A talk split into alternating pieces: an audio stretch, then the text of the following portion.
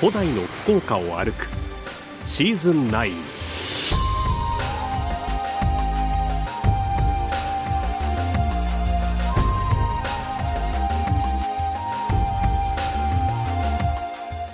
遥かな昔海の道からそして陸路を通じて福岡にはさまざまな文化が入ってきました。その足跡を訪ねる古代の福岡を歩くシーズン9この番組は宮間市の企画協賛餃子の山八道の駅宗像の提供でお送りいたします。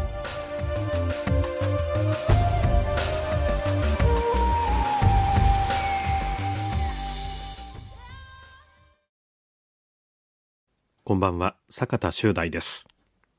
今週も糸島の伝説を紹介しながらその伝説地を訪ねる糸島の伝説地を歩くをお送りいたします。ご案内を糸島ふるさとガイドの皆さん三笘節代さん岩田久美子さん西本誠二さんそして糸島ふるさとガイド会長の吉丸克彦さんにお願いしました。なお糸島の伝説は糸島新聞社発行の改訂版糸島伝説集を参考にお送りいたします。今夜はまず筑肥線の筑前深江駅の近く二条深江という場所があります。東隣は二条片山。この深江と片山の物語片山の三義人というお話です。今片山に立って話を吉丸さんに聞きます。ここはあの片山の三義人という物語の場所になったところですね。すねはい、片山っていうのは北へ向かって、えー、東の方で西の方に深江という場所があるんですね。そこにあの川がありますが、はい、それより向こうはあの深江です。深江ですね。はい、その深江との間に、えー、まあいざこざが起こったというお話ですね。そうです。はい。えあのまああの要するに行政区が変わったばっかりに、はい、えー、実はあの、えー、片山天領になるんですね。天領。えー、はい。で向こうはあのあれね、えー、深井の方は唐津藩ですね。唐津藩。はい、そういうことです。えー、そこで、それで領主も領地も変わったもんだから、はい、いさかいが起こるようになってきた。はい。はい。例えばですね、はい、えー、あそこに、えー、草刈り場があるんですね。あの深井の山に。そこは深井の山に、うん。はい、えー、草は刈らせないぞ。ああ、山がありますね。えー、ここから見ますね。はい。それから深井川はあそこに浜があります、はい、そこでもういりこ干しとか網干しはさせないよ。というわけですね、はい、そしてあのおまけにですね深江の山のわらびとか、はい、それからくずねを掘ることを禁止するんですね、はいはい。はい、だから今度は片山川はこっちが磯になっておりましてね。だからアワビとか、あのまあナマコとか、はい、そういうのはあの取ってはいけないと、はい、禁止をするんですね、はい、それでいざこざが起こりまして、はい。えー、庄屋同士がですね、えー、話し合うんですけど拉致が開かないんですね、それであの実は片山にとってはですね、深江の山の草を、えー、切らせないっていうのは大変なことだと。昔はあの堆肥がね、肥料の主力だったんですから。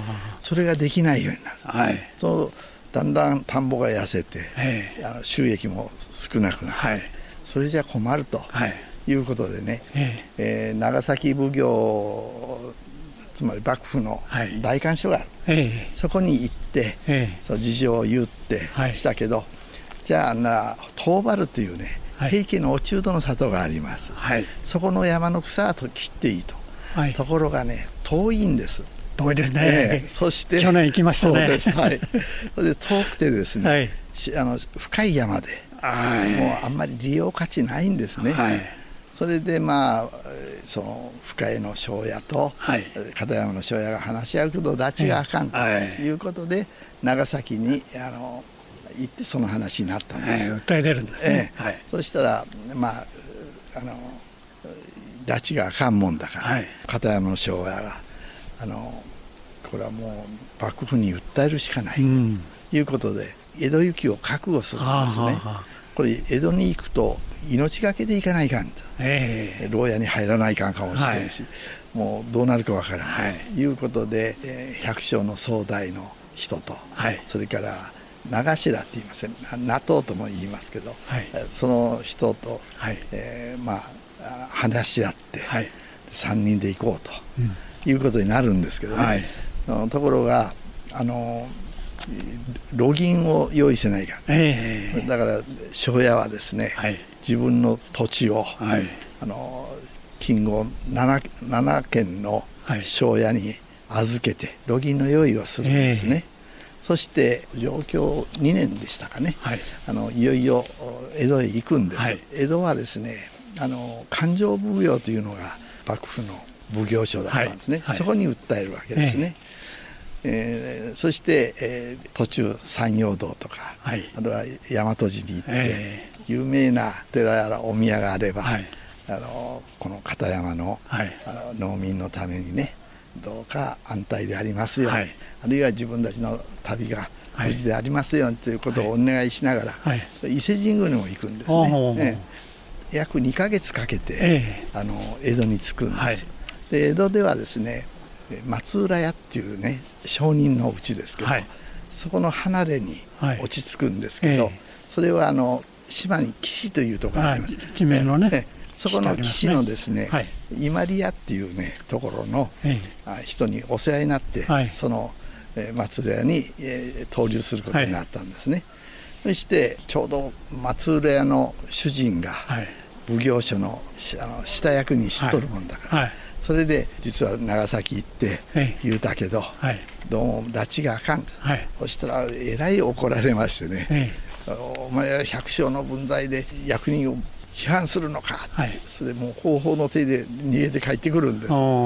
でどうしたもんかと考えよるうちに、ええ、目安箱っていうのがありました。はい、それにねじゃあ上訴文を入れようと、えで入れるんですね、はい、ところがこの上訴文はねあの勘定奉行所の目に入るか入らんか分からんのです、うんうん、それでもう長く投留せないかんかもしれんということで、うん。あの自活の方法も考えた、はい、だからそんな時にねその百姓の総代の人が、はい、一番年上ですけど、はい、病気になってしまう、はい、そしてだんだん重くなって、えー、で自分もあの世であのこれが成功するように努力すると、うん、であなたたちもしっかり、えー、頑張って、うん、あのどうか農民のために頑張ってください、と言って息を引き取るんですね。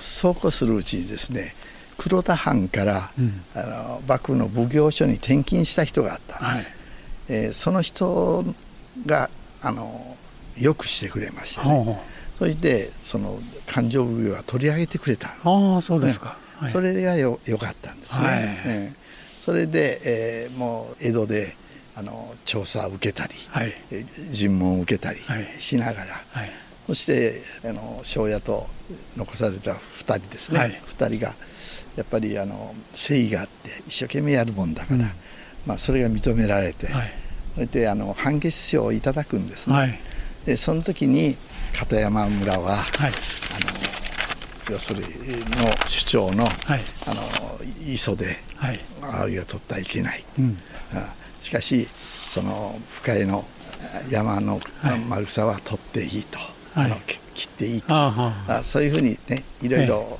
なったんですね、えー、それでまあやっとそれが解決して、えー、奉行所の名前で金剛の庄屋さんたちにこうお触れを出すんですね、はい、でまあ、えー、長く片山の人たちは農業ができて安心して働けたと、うんはい、そういうお話。ああそうですか、はい、えー、まあ、片山の方の方とそれから深江の方と、はい、えー、一緒にこう話し合いができるようになって、うまくこう収まったということですね。そう、ね。はい、えー、そういったようなお話が、えー、片山の三義人のお話でした。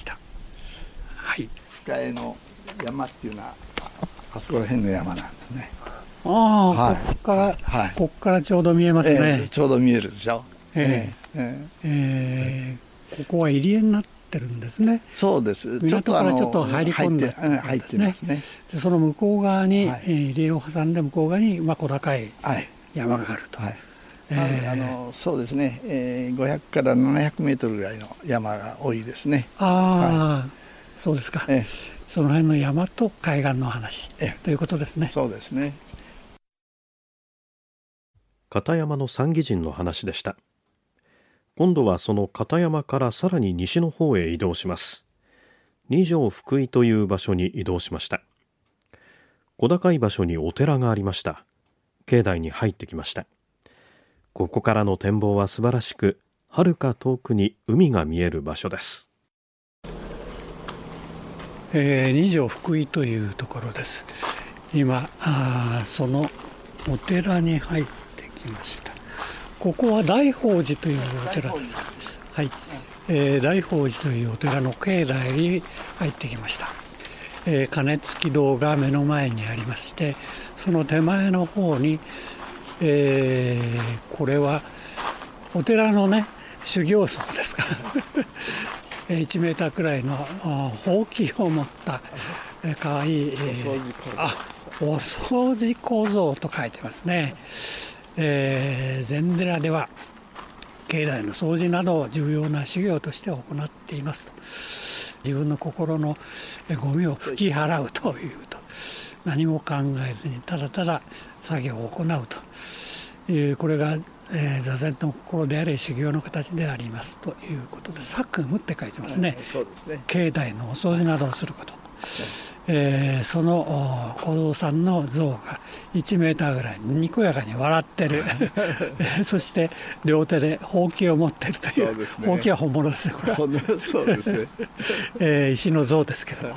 そういう像があります。そして金付堂があその奥の方にありますそういった大宝寺というお寺に来ました、えー、ここにはですね落馬薬師という薬師如来像があるんですそうです。はい、はい、えー、どういうお話があるのか今から伺っていきます、はい、はい、大宝寺はですね、はい、あの取得3年といいますから南北朝時代ですねに、えー、創建されたあの古寺でですね、はい、ついあの最近こうあの改修をされたですね。そうですか、はい、ちょっと新しくなっておりますね。比較的に新しい作りになってますね。はい、はい、えー、あそこにちょっと行ってみましょうか。はい、えー、その奥の方にお堂が一つ見えますね、はい、そのお堂の方に、えー、歩いていきますこれが写真ですけど、はいはい、薬師如来薬師如来立像という、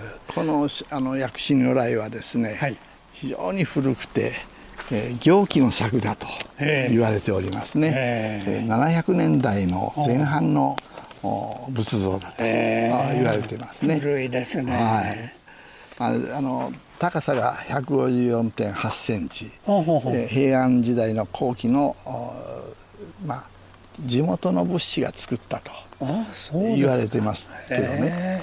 仏教美術上ですね、はい、非常にあのいい仏像だそうです。なんかあのなんか、はい、洗練された作りになってますよね、ええ。それで県の指定になっとるんですね。文化財の指定になってます、はい、そういう仏像がここにあるという、そうです、はい、え実はですね、はい。えー、このお堂は新しく作った分です、はい、あ新しく作ったお堂がここにありますね。これがですねはい。あのこの寺の内じゃなくて、はい、寺の外にあったんですね。あこのお堂が。はい、はい、そして北を向いとったんです。北向き。はい、その古いの方ですね、はい、その古い仏像をですね、はい、その北の方に向いとるあの、えー、お堂に御堂にですね、はい入れてあって。入れてあって、ええ、そうするとあの高徳なあのお嬢さんが、はい、ここに赴任してきてですね、はい、そしてこうなんか霊感を感じると。素晴らしい仏様なのに、はい、なぜ外にねあの置いてあるんだ？置いてあるんだろう、はい、おかしいなと、い、うことだったんですね。で、えー、まああのある時ですねあの外を向けて置いたために、はい、そのお寺でもう大変その悪いことばっかり起こると、はい、小僧さんが死んだり、はい、あの逃げ出したり、それから病気になってですね、次から次病気になるんですね、そういうえそうです、だからもう困ってどうしたもんかと、はい、その皇徳のあのお嬢さん考えるんですけど、わ、からないんですね、えー、そうこうするうちにその向こうの道をですね、はい、あの吉井街道って言いましたもんね。ああそうですか、えー、えー、ここからちょうどあの海がはるか彼方に見えますが、はいはい、その間に道路が、ええ。ありますね、えー、202号線があります、ね、あ202号線ですか、えー、いいやかな、えー、車の量ですね、えー、そしたらですね、えー、その馬に乗った人は、はい、もう必ず落馬すると。この近くで、えー、はい、そしてその乗馬する人だけが馬から転げ落ちる。転げ落ちる、うん、でもうおかしいなと思ってですね、えー、鞭開けて当て当てても暴れ回るし、えー本当はおとなしい馬なのにおかしいなというふうでですね、それでもう何べんも落とされるんですね、はい、1回だけではなく。て、でそのことをあの友人に言うと「いや俺も落とされた場合」と。そして今度はまた別の友人に言うと「いやあの落とされると見た場合」とか言われるんですね。はいはい、でその時に、まあ、お嬢さん感じるんです。はい、これはこの薬師如来さんは寺のうちに、えー、作ってほしいんじゃないかと。なるほど、えー、お寺の外で出してるから、えー、それがいけないんじゃないかということですね、そして、えー、みんなにちょっとあの相談したら、はい、村人に相談したらそれはあのいいところ気がつけつかれましたね私たちも気がつかなくて申し訳ないと、はい、じゃあ立派なお堂を作りましょうということで、今度は寺のうちに持ってきてああ、ええ、そうですそしてそれがここですか、はい、今右の方にあります。お堂ですね、はい、はい、そして、えー、持ってきた時からピタッと落馬しなくなった。寺の不祥事も起こらなくなった。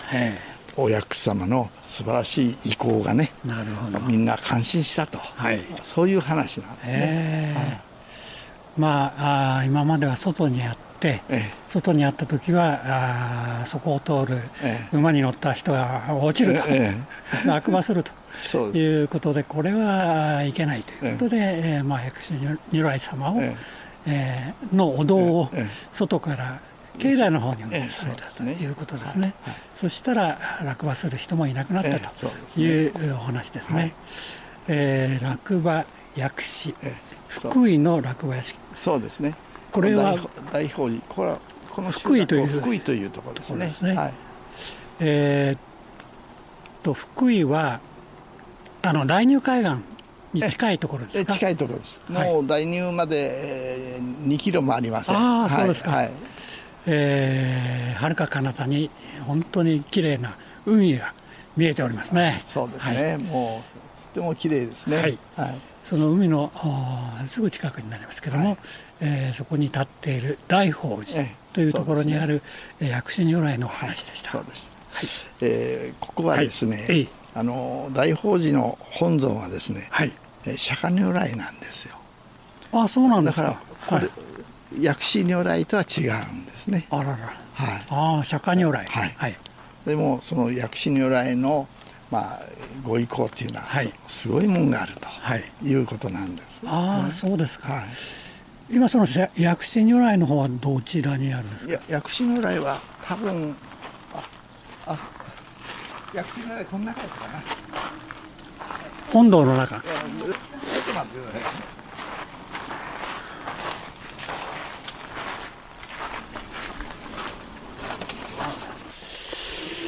えー、ということで本堂の方に、えー、お邪魔させていただきました、えー、今本堂の方に飾ってあれが釈迦の如来釈迦如来。でこっちがそして左手の。方に薬師如来像があると。いうことですね、はい、えー、えー、およそ1メーターぐらいの高さかな。1メーターちょっとありそうな感じですね。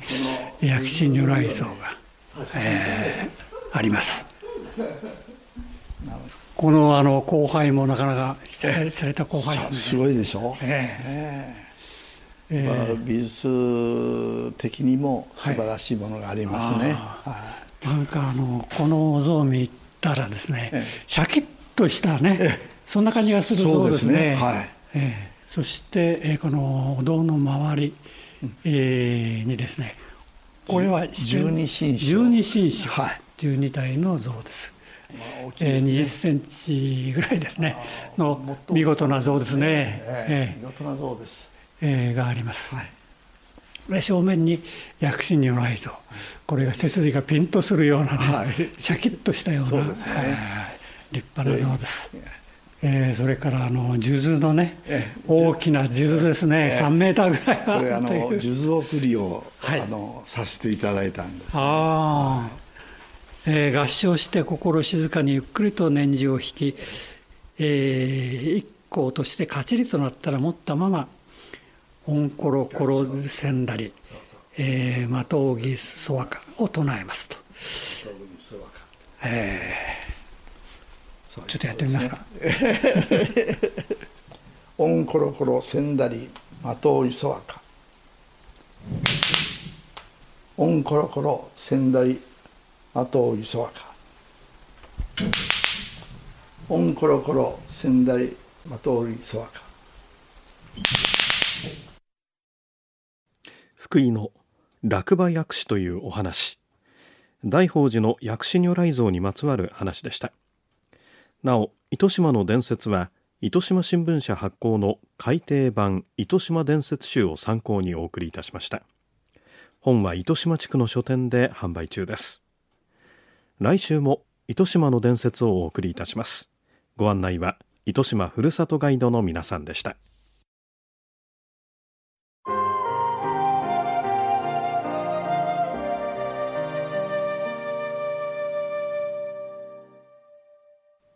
ここで古代の福岡を歩くリポーターの中島理恵さんです。こんばんは。こんばんは。糸島の伝説を歩いて回ったら楽しいお土産を買って帰りたくなるはずそうですよ。せっかくですからね、ね、そこでおすすめしたいのが JA 糸島の直売所糸さいさい。おにぎわってますよねいつもね。超有名ですが、坂田さん行ったことあります？いややっぱり糸島出かけるとやっぱりよく寄りますよ。なるほど、まああのね野菜とか果物とかお花あとお肉お魚とすごいラインナップなんですがとにかく午前中超大にぎわいで、割とね遅めに行くとあれ？なんかお野菜もうほとんど売り切れてるみたいになるんですよね。そんな時のためにおすすめしたいのが、オリジナルの6次化商品なんです。加工品。ほうほうで、17種類もあってですね、これかなり多いんですけど、えー、何がおすすめでしょうねって聞きに行ったんです。えー、担当している JA 糸島営業部直販課の吉岡優也さん、いや、全部おすすめなんですけど、と言いつつ、あえて、えー、一押し人気丸しって言ってくれたのが、丸糸ラーメン。糸の漢字に丸っと丸で囲んで名前、うん、丸糸ラーメンなんですが、こんな特徴があるんだそうです。こちらはですね、糸島産の小麦とですね、あとはあの、まあ、あっさりした豚骨味のラーメン2食入りの半生麺のラーメンになっております。そんなに糸島産小麦の麺違います？そうですね、やはりあのコシとですね、もちもち。感がかなり推しの商品ではございます。でこちらも、まあ、あの小麦に関してはですねラーメン専用の小麦のラー麦という麺を使用しております。ラー麦使ってるんですね。かなりね小麦感あふれる感じの本当にもっちりした麺でそこにあの割と軽めの豚骨なので非常になんか食べやすいいいラーメンでした、えー、面白いのがやっぱりラーメンといったら替え玉ですからって言って替え玉が一人前ずつ別に袋で売ってるんですね。そうですか。替え玉も売ってる。家でもそういう楽しみができる、えー、なかなかいい、こう、心意気というか思いやりだなって思ったんですが、えー、その中におすすめていくとですね、糸島牛カレーというのを出してきてくださいました。こちらもですね、糸島牛をこの商品の中に 50g も贅沢に使用してますので、はい、かなり食べていただいたら、糸島の、まあ、牛とあとはこれ糸島のじゃがいも。糸島の人参。はい。お野菜まで糸島産を使用してますので。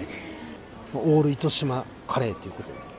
ああ魅力的ですね。かなりレトルトで一食分ね、はい、箱に入ってますね。めちゃめちゃいいんですよ、もうとにかく次から次から出てくるんですがそんな中若手ではあります JA 糸島営業部直販課の保坂葵さんがいやいや糸島産トマト100%使ったトマトケチャップこれがめちゃ推しですとこうさらに語ります。これがもう濃厚ででなんですか普通のケチャップよりも気持ちちょっとドロッとザラザラした感じなんですけどもう色とかも結構普通のなんていうんですか原液じゃないですけどえらい濃ゆいんですなんでもう一回これ食べてしまうたらもう他のケチャップじゃ物足りんことなってしまうぐらい結構トマトトマトしておけんです。一回ちょっとおすすめの商品にはなってます。これもまた食べてみたいですね。お酒でもですね、単にこうじゃがいも素揚げして、うわーつけて食べて、めちゃめちゃ満足してるらしいんですよ、ね。いいですね。えいろいろあるんですけど、お土産、人にあげるのにもぴったりなのがないかなって言ったら、最初に出てきてくださった吉岡さんが、これがおすすめだと、入り口すぐ横にある売り場に連れてってくれました。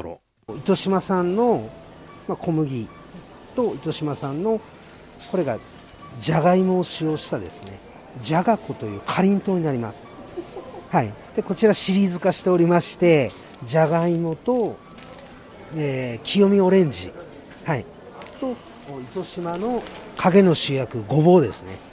影の主役？はい。なかなかあのごぼうってですねあのまあ目立つっていうかメインじゃないんですけど実際糸島のごぼうって結構盛んでしてはい、これをぜひあの皆さんに食べていただけたらと思ってですね伊藤ごぼりんという名前で。3つとも持ってきました。どれ食べてみます？せっかくなんで。ごぼうでしょう。ごぼういきますか、じゃあどうぞ。ああかりんとまあ小さなね小袋にこう入ってあ黒いですね。そしてごまがちょっと表面にちょっと細めのかりんとうですがいただきます。うんごぼうの香りがいい。口の中にすぐ広がります。やめられなくなる。うん。しかもね、お茶受けにもよしお酒のお供にもよし、うん、ほんのり甘くてね。ちょっとこう塩味もあって。いいですね。ぜひぜひ美味しいんで。この他にもいっぱい美味しさがあります。糸さいさいぜひ楽しんでください。中島理恵さんでした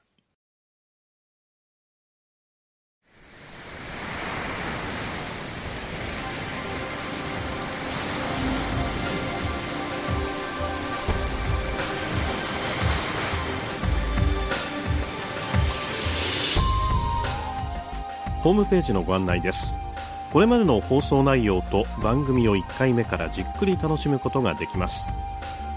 RKB ラジオのホームページの古代の福岡を歩くシーズン9のバナーをクリックしてください。またラジオクラウドという無料アプリをダウンロードすればスマートフォンやタブレットでもお楽しみいただけます。この番組は宮山市の企画協賛餃子の山八道の駅宗像の提供でお送りいたしました。ご案内は坂田修大でした。